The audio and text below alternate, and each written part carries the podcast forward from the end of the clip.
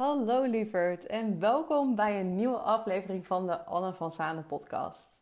In deze podcast uh, probeer ik jou te inspireren om op een ontspannen manier je hart te volgen en jouw leven in te richten zoals je dat zelf graag wilt. Zodat jij je krachtig kunt voelen en liefdevol, zowel naar anderen, maar vooral ook dat je heel lief kunt zijn naar jezelf. Want echte kracht is liefde en zachtheid. En geloof me, het is nu tijd om echt jezelf te zijn eh, vanuit liefde. Dus here we go. Hey, wat super leuk dat je luistert uh, naar de tweede aflevering van deze podcast. En ik wil het vandaag met je hebben over um, what to do als je leven even een shitshow is. Want soms is het leven gewoon even een shitshow. En ik kan je vertellen, ik ben aardig koningin shitshow. Ik heb van alles meegemaakt in mijn leven. Uh, waarbij ik dacht, oh mijn god, wat gebeurt er allemaal? Hoe kan ik zo enorm in de shit zitten? Um, en het mooie van shitshows is dat ze vol zitten met lessen. En daar wil ik vandaag met je naartoe. Dus um, ik ga gewoon als voorbeeld nemen mijn laatste shitshow. Zodat we daar samen naar kunnen kijken. En dat jij misschien ook kan kijken naar jouw eigen shitshow op dit moment. En waarom je het gevoel hebt dat je in een shitshow zit. En wat je eventueel van jouw shitshow zou kunnen leren. Oké, welkom bij mijn shitshow. Ik neem je even een paar maanden mee terug in de tijd. Um, ik stond op het punt om te gaan verhuizen. Ik had net de sleutel gekregen van mijn nieuwe huis, mijn droomhuis. En ik had het lekker in de verf gezet met mijn vriend. Het was op 1 september kregen we de sleutel. We hebben alles geverfd in huis. Het enige wat we nog moesten doen waren een paar plankjes van de boekenkasten. En dan zou het helemaal af zijn. Uh, maar mijn vriend zou nog een weekendje weggaan.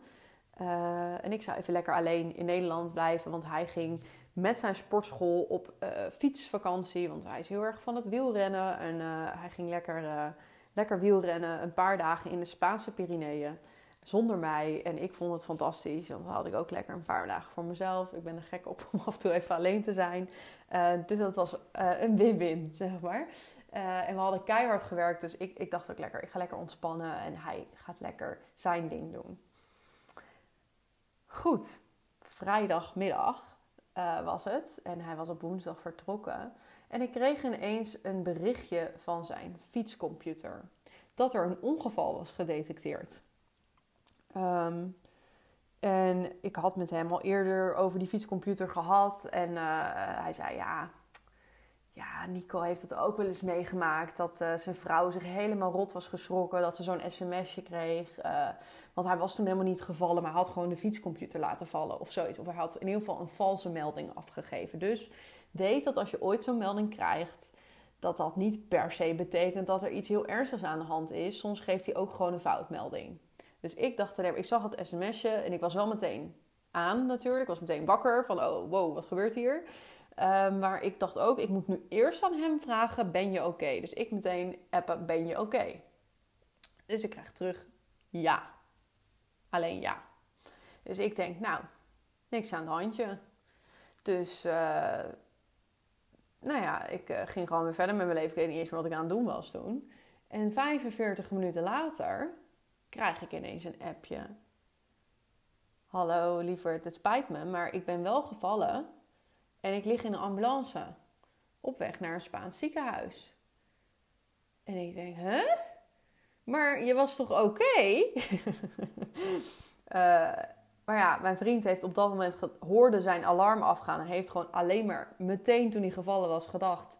ik moet haar geruststellen. Uh, en gewoon meteen ja gestuurd zonder van ja, wat er aan de hand was. Omdat hij daar geen ruimte en tijd en vooral ook veel, te veel pijn voor had.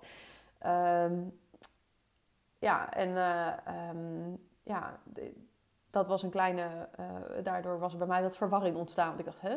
Is hij wel gevallen. Ik snapte het gewoon niet meer. Maar ik kon hem toen gelukkig meteen aan de telefoon krijgen. En toen zei hij, ja, ik heb heel erg pijn aan mijn linkerkant. Maar um, ja, ze denken dat er niks gebroken is. Maar ze brengen me voor de zekerheid naar het ziekenhuis om een foto te maken.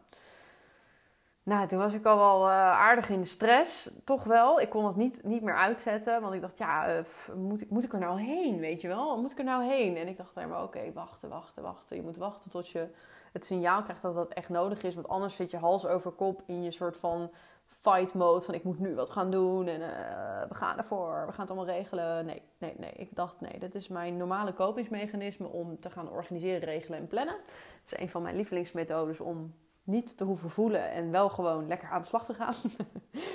um, ik dacht, ik ga dat nu niet doen. Ik ga gewoon rustig op de bank zitten en eventjes wachten om te kijken wat er nou echt aan de hand is. Maar goed, toen uh, zeiden ze eigenlijk, uh, nadat ze de foto hadden gemaakt, nee, er is niks aan de hand. Um, het komt allemaal goed, je hebt niks gebroken. Het, is gewoon, het zijn kneuzingen, het zijn schaafwonden. Het is heel vervelend, maar gewoon een paar dagen je wonden verzorgen en je bent wel weer op de been. Um, maar ja, uh, ik had inmiddels ook al mijn beste vriendin ingebeld. Dus die zat al bij mij op de bank inmiddels. En toen kreeg ik toch een berichtjes van mijn vriend uit Spanje. Ja, het, is echt niet goed. Ik kan niet meer staan. Ze willen dat ik wegga, maar ik kan niet meer staan. We hebben nu geregeld dat ik nog een nachtje mag blijven hier. Maar het voelt echt niet goed. Um, en kan jij de reisverzekering bellen? Ik dacht alleen maar, ja, reisverzekering bellen? wat moet ik nou doen? Wat moet ik nou doen? Um, maar dat heb ik gedaan en ik heb hun op de hoogte gesteld. En zij vroeg aan mij, ja, wat wilt u dan nu van ons? En toen dacht ik, oh ja, daar heb ik nog niet over nagedacht wat ik nu wil. Ik zei, ja, ik weet niet, ik wil dat hij hulp krijgt, weet je wel. En ik wil hem gewoon zo snel mogelijk weer naar Nederland. Zei, ja, nou, eerst maar eens even de situatie afwachten dan. Want uh, als hij gewoon morgen het ziekenhuis uitloopt, dan hoeft dat natuurlijk niet. Maar ja, het was wel heel snel duidelijk dat mijn vriend niet terug kon naar het hotel. Want hij kon helemaal niet lopen. En uh, ja, daar, daar waren allemaal trappen. En uh, nou, dat ging gewoon niet gebeuren. En ik dacht maar ja, ik wil eigenlijk naar hem toe. Maar dat, ja, ik mocht dat ook niet van mezelf, want hij zou zondag terugvliegen. En als hij dan zondag terug kon komen, ja, waarom zou ik dan helemaal hals over kop naar Spanje vliegen? Dat, dat, dat voelde nogal idioot. Maar goed, um, die zaterdag uh, rond lunchtijd werd duidelijk dat zijn bekken gebroken waren. Dus er was een nieuwe arts gekomen, die had er opnieuw naar gekeken en die zei: Ja, er zit gewoon een breuk in je bekken. Dus jij gaat helemaal nergens naartoe. Uh, en dit gaat nog even duren. Je mag niet meer bewegen, je mag niet meer lopen, je mag alleen maar liggen. En ik dacht alleen maar, holy shit. Dus ik heb gewoon zo snel mogelijk met die reisverzekering geregeld dat ik naar Spanje kon.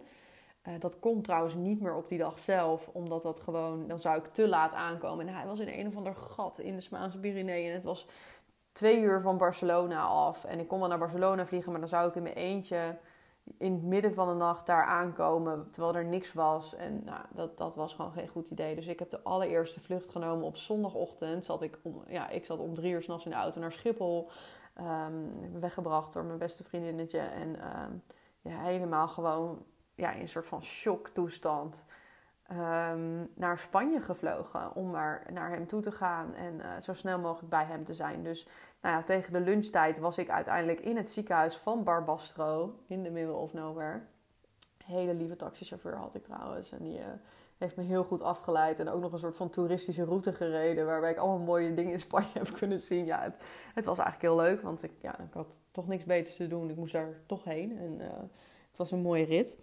Um, maar goed, ik kwam aan bij mijn vriend. Het was natuurlijk een super emotioneel moment om weer bij elkaar te zijn. En uh, ja, toen begon eigenlijk de echte shitshow pas. Want wij wilden gewoon zo snel mogelijk terug naar Nederland. En met de reisverzekering was het heel snel duidelijk dat dat niet zomaar ging gebeuren. Uh, als je je bek hebt gebroken, um, moet je liggend vervoerd worden. En dat is gewoon best wel heel lastig en ook prijzig. Dus uh, ja, een verzekering is daar niet helemaal happig op. En sowieso is het voor de patiënt is het ook niet per se uh, een aanrader om op die manier te gaan. Uh, maar ik merkte gewoon dat ik daar in een enorm circus terecht kwam. Van regelen, regelen. Ik denk dat ik wel zes keer per dag met een reisverzekering aan de telefoon hing. En dan niet even, maar echt, echt lang. En uh, ik moest iedereen op de hoogte stellen. Want mijn vriend was gewoon, ja, zo, die had zoveel pijn. Die was zo moe. Die was ook echt helemaal gedrogeerd door pijnstillers met zo'n infuus ik, ja, ik moest zijn ouders bellen, zijn broer bellen, weet je wel. Dat, alles moest geregeld worden. Dus ik was alleen maar aan het regelen en um, het duurde gewoon heel erg lang. Uh, hij heeft uiteindelijk negen dagen in het Spaanse ziekenhuis gelegen om even een beeld te krijgen.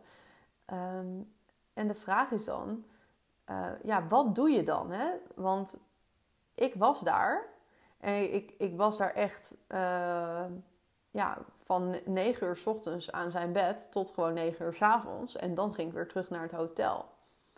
Um, en als je dan niet voor jezelf zorgt, is dat heel erg zwaar. Uh, het is zo ontzettend belangrijk dat je op dat moment op jezelf kan terugvallen. En ik voelde ook gewoon in alles dat ik gewoon dankbaar was voor de lessen die ik heb geleerd in de afgelopen jaren. Dat ik mezelf zo kwijt was geraakt.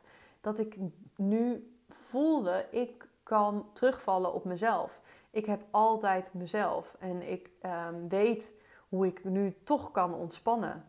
En hoe ik toch van het leven kan genieten. Ondanks dat alles eventjes helemaal kut is. En wat praktische dingen die ik deed, was ik nam elke ochtend in het hotel eerst de tijd om te mediteren. Of een yoga nidra te doen, of even te stretchen. Ik ging altijd eerst even een half uurtje in bad om, mijn, om weer in mijn lijf te komen, om tot rust te komen, om weer bij mezelf te zijn. En ik ging altijd wel uitgebreid ontbijten, want er waren fantastische ontbijtjes natuurlijk in het hotel. En je voelt dan heel erg de neiging om weer naar je partner terug te gaan. Want die is alleen in een ziekenhuis en zielig. En oh, weet je wel, die, die, dat voel ik ook echt wel. En die gedachten heb ik ook. Maar ik kies er op zo'n moment toch voor om eerst voor mezelf te zorgen. Om eerst te zeggen: nee, die, die start van de dag, die is van mij. Ik moet even verbinding krijgen met mezelf, zodat ik me al ontspannen en rustig voel en ook zo mijn dag inga. En dan kan ik er ook zijn voor jou. Dus weet dit, je kan er pas zijn voor een ander als je goed voor jezelf zorgt. Want anders is dat geen duurzame situatie. Dat is geen duurzame oplossing. Dat je maar gaat rennen voor iemand anders. De ander gaat willen helpen. Uh, want ja, zeker mijn vriend moest ja, zelfs wassen. Uh, die kon dat zelf niet meer. En dat is ja, heel emotioneel. Omdat je relatie op dat moment... Ik merk ook dat het me raakt nu. Maar je relatie verandert op dat moment eventjes. Je voelt je gewoon niet meer gelijkwaardig. En dat is best wel heel erg moeilijk. Um, maar het is ook de kunst om die gelijkwaardigheid wel te blijven voelen. En ik denk dat wij dat super goed gedaan hebben samen. En ik heb op een gegeven moment gewoon wel heel duidelijk grenzen moeten stellen. Dus dat is ook iets wat ik mee wil geven in zo'n shitshow.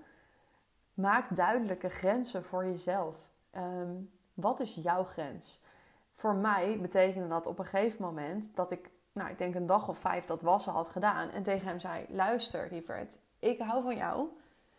Maar ik ben om een reden geen zuster geworden. Ik, krijg, ik, ga, ik loop hier helemaal op leeg. Het kost me heel veel energie en het voelt ook niet goed. Het voelt niet gelijkwaardig, het voelt niet goed. Ik kan dit niet eindeloos doen. En dat is een grens. En als je in een mooie, goede relatie zit, zeg maar, dan wordt dat ook gerespecteerd. Dus mijn vriend respecteerde dat ook. Dat was heel helder. Um, iets anders ik nam altijd midden op de dag weer pauze. Dus als hij geluncht had, dan ging hij meestal slapen. En dan ging ik naar buiten. Ik ging het ziekenhuis uit. Want nou, geloof me, de energie die in een ziekenhuis hangt, sowieso niet mega gezellig. En echt niet per se gezond om daar lang te blijven. Dus je moet af en toe daaruit stappen. Het is belangrijk dat je ook jezelf even uit de situatie haalt. En ik ben gewoon gaan wandelen. Ik dacht, ik moet ook frisse lucht krijgen, de zon op mijn huid ervaren. Toch weer even wat gezonds proberen te eten buiten het ziekenhuis. Want daar kon ik alleen maar van die, van die, van die slechte meuk krijgen. Nee, toch proberen zo gezond als mogelijk te eten. Omdat dat gewoon brandstof is voor je lijf. Juist op die momenten dat het allemaal heel zwaar is en stressvol en verdrietig, is het belangrijk om voor jezelf te zorgen, ook op die manier. En aan het eind van de dag belde ik altijd even mijn moeder. Altijd rond hetzelfde tijdstip dat mijn vriend net zijn eten op, want de Spaanse tijden, dus hè, half negen of zo. Had mijn vriend zijn eten op en dan wandelde ik terug naar het hotel en dan belde ik met mijn moeder om eventjes te delen. Delen is helen. Echt waar. Deel je verhaal met iemand waar jij je goed bij voelt. Delen. Dat deed ik heel veel. En ik voelde me daardoor ook heel gesteund. Ik had heel veel steun van anderen omdat ik dat ook toeliet. En ehm, er was een moment, denk na een paar dagen, dat ik me realiseerde: dit gaat nog wel even duren hier in Spanje. Wij zijn hier niet zomaar weg. Um, en toen besefte ik ook dat ik over anderhalve week zou verhuizen. Dat een verhuisbedrijf voor de deur zou staan. En we hadden nog niks ingepakt. Want als mijn vriend terug zou komen van zijn vakantietje, zouden wij die week hebben om in te pakken. Dus wij hadden daar alle tijd voor. We hadden dat gewoon nog niet gedaan. Maar ja, dat konden we niet meer zelf. Dus dat is het moment geweest dat ik heb besloten om hulp te vragen. En dat is iets wat we vaak heel erg lastig vinden, omdat we denken dat we alles alleen moeten doen. Maar dat hoeft niet. Het hoeft echt niet. Mensen willen je graag helpen en zeker in zo'n situatie. Mensen willen graag helpen, maar je moet het wel vragen. Dus als je hulp wil krijgen, vraag het gewoon.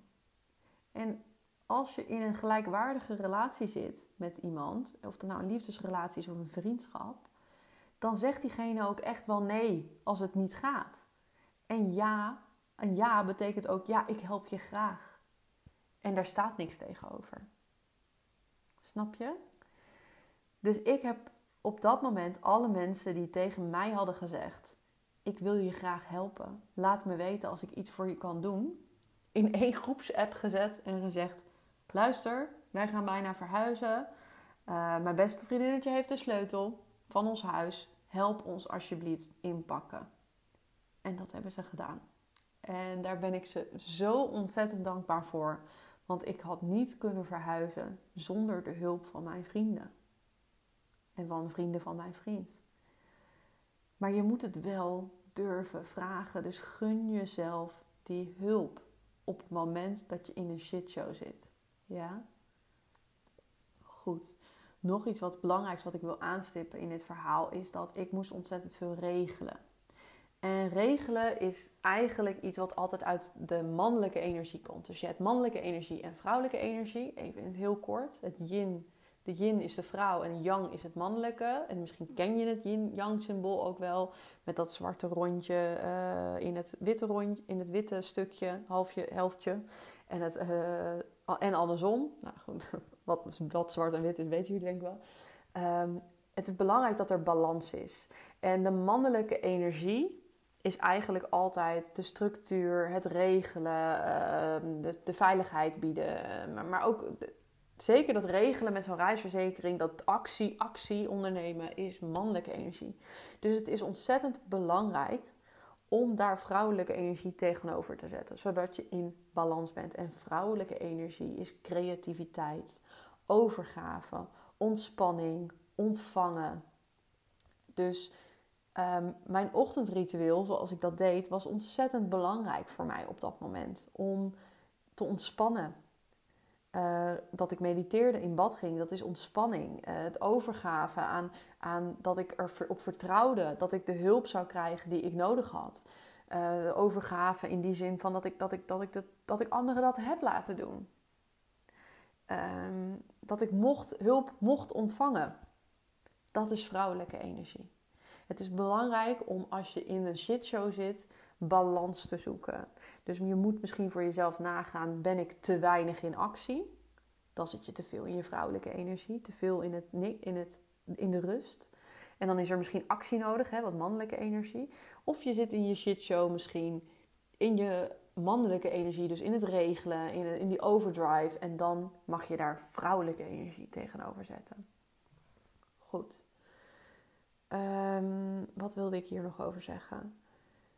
Uiteindelijk ben ik dus uh, met mijn vriend uh, na negen dagen naar Nederland vervoerd. Dankzij de reisverzekering. Dus hoe vaak ik ze ook vervloekt heb in die negen dagen, in die 30.000 telefoontjes. Ze hebben het voor ons geregeld. Dus daar zijn we ontzettend dankbaar voor. Um, en we hebben dat uh, gedaan met een ambulance van het ziekenhuis in Spanje naar, naar Barcelona Airport. met het vliegtuig naar huis en dan weer met een ambulance naar een revalidatiecentrum in Den Haag, waar mijn vriend nog drie weken moest blijven.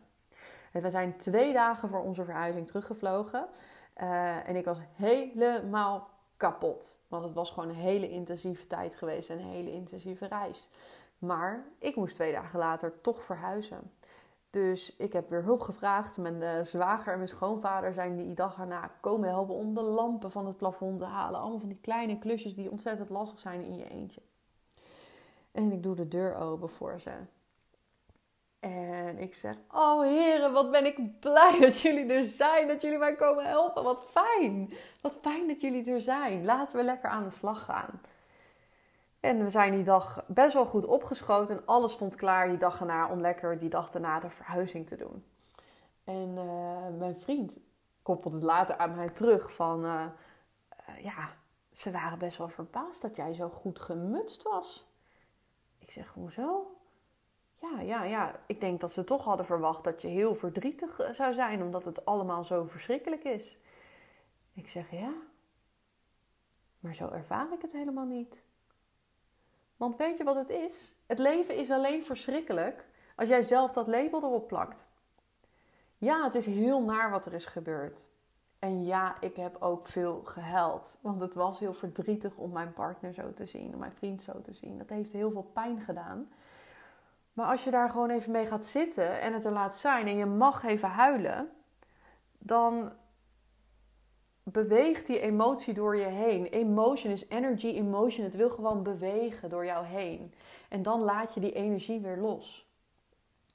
Maar ik zie het, zag het heel erg als het leven komt hoe het komt. En dit is misschien even een dipje. Maar dit kunnen wij. Want ik kan dit. Ik kan verhuizen zonder jou. Ik weet dat ik op mezelf terug kan vallen. En ik ben blij met de hulp die ik krijg. Waarom zou ik negatief gaan zitten doen? Als ik zo blij ben dat je er bent om mij te helpen. Dat brengt me toch ook niks. Dus ik denk ook dat het belangrijk is om zelf te kijken hoe je positief naar je eigen shitshow kan kijken. Natuurlijk zit je in die shitshow. Je kan daar niks meer aan veranderen. Maar je kan wel kijken hoe jij de omstandigheden ervaart. En misschien valt het dan eigenlijk allemaal wel mee. En misschien is het wel een van de beste dingen die je ooit is overkomen achteraf bezien. En dat is lastig, hè? want als we in de shitshow zitten, dan kunnen wij als mens vaak niet zien wat we ervan leren, of wat we eraan hebben, of waarom het gebeurt. Maar dat willen we dan per se weten. ik wil nu weten waarom ik dit allemaal meemaak. Maar ja, dat komt altijd pas achteraf. Dus het is het, dit is het, als je in de shitshow zit, is het moment van overgave. Laat het maar gebeuren. Maar kies er ook zelf voor en pak ook je verantwoordelijkheid. Kies ervoor om goed voor jezelf te zorgen op dat moment. En het positief te bekijken. En, en bedenk, probeer maar vast te bedenken. Wat leer ik hier nou eigenlijk van? Wat heb ik hier aan? Misschien is het eigenlijk ook wel goed. Ik was hartstikke trots op mezelf. Ik heb in mijn eentje alles verhuisd. Ik had wel een verhuisbedrijf hoor. Dat niet. ik heb niet elke doos zelf uh, getild. Maar ik heb het wel helemaal in mijn eentje gedaan. En ik heb vervolgens ook in die weken dat mijn vriend nog in het revalidatiecentrum zat, bijna alle dozen uitgepakt. Op 10 na of zo. Dus ik had denk ik 60 dozen. Ik heb 10 dozen laten staan. Ook vooral zodat mijn vriend zelf nog wat kon uitpakken. Ook om een beetje te aarden in ons nieuwe huis. Um, maar ik kan dat. Ik weet ook dat ik dat kan als het echt nodig is. En dat deed ik gewoon. En ik had daar ook de energie voor, omdat het, omdat het goed voelde. Maar de vraag is natuurlijk gewoon, wat voelt goed voor jou in dat moment?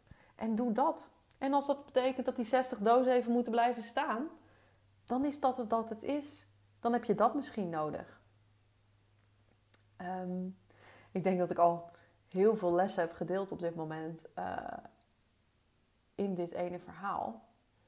Ehm, en ik wil ook niet doen alsof ik altijd positief ben of zo. Ik wil niet doen alsof het altijd alleen maar makkelijk is. En, en, en, dat was het niet. Ik heb ook een heel groot deel pas kunnen verwerken nadat mijn vriend thuis was. Dat was denk ik eerder. Hoe langer het duurde, hoe zwaarder het werd voor mij. Want het duurde. Ik moest alles in mijn eentje doen, natuurlijk. Of nou ja, met hulp. Maar ik merkte wel dat dat steeds zwaarder werd. En ik denk dat voor mij de emotionele klap pas kwam toen het al klaar was. Dus toen hij weer thuis was hier. Ehm, dat ik dacht, en nou mag ik weer in zijn mannelijke energie, in zijn mannelijke veiligheid, in zijn structuur eventjes me overgeven aan mijn verdriet. Dat mag er ook even zijn. Dus ik heb ook gewoon een tijdje rust genomen en hersteltijd genomen om weer te herstellen van alles wat er in die piek gebeurd was. Dus gun jezelf ook gewoon tijd.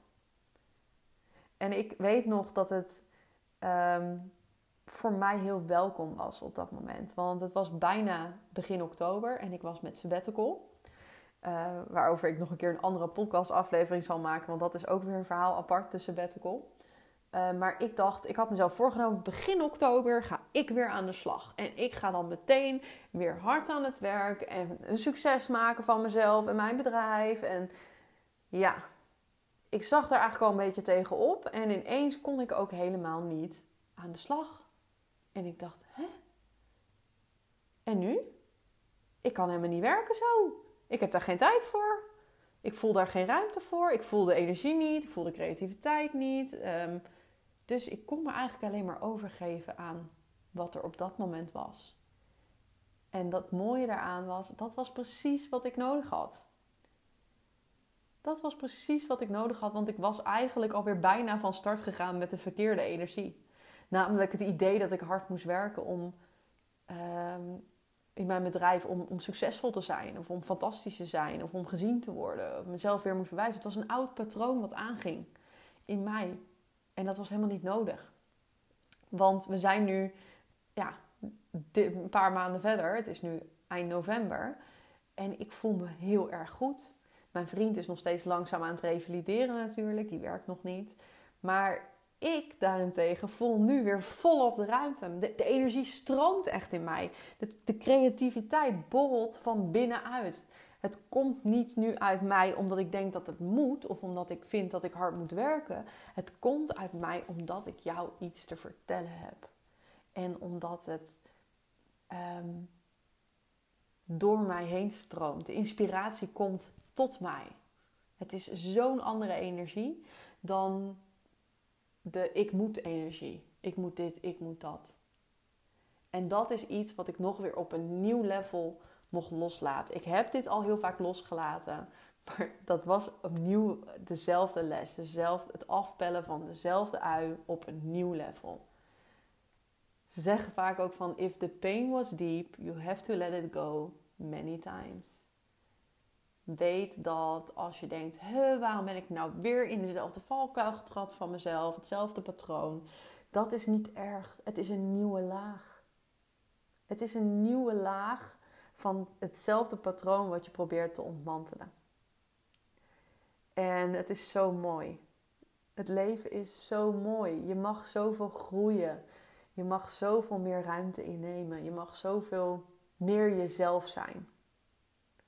En dat ervaar ik nu ook weer. Het komt vanzelf. En het komt altijd goed. Welke shitshow op dit moment jou ook zit, het komt sowieso goed. En sterker nog, als je goed kijkt, is het al goed. Ik hoop dat je die kunt voelen. Waar je ook in zit, het is al goed. Kijk naar de positieve dingen. Schrijf vanavond drie dingen op waar je dankbaar voor bent. Of probeer dat even voor jezelf nu in gedachten te nemen. Waar ben je wel dankbaar voor? Wat, welke shitshow je ook zit, er is altijd licht in het donker. Ja? En weet ook, het donker is er niet voor niks. In het donker vinden we onze lessen. En de lessen maken dat we kunnen groeien en expanden en nog meer ruimte innemen. En dat je lekker jezelf kan zijn. En dat is waar het om draait. Dat je nog meer jezelf gaat zijn, zodat je lekker ontspannen kunt zijn, je hart kunt volgen en je krachtig kunt voelen en vol met liefde. Oké? Een hele fijne dag en tot de volgende keer. Mocht je nou nog vragen hebben naar aanleiding van deze podcast of eh, als je ergens tegenaan loopt in je eigen shitshow en je denkt: help, ik weet niet hoe ik hiermee om moet gaan. Kan jij eens met me meekijken, met me meedenken? Stuur me dan gerust een berichtje op Instagram via Anne van. Of je mag me een mailtje sturen, anne.annevanzanen.nl. Want ik denk met liefde met jou mee.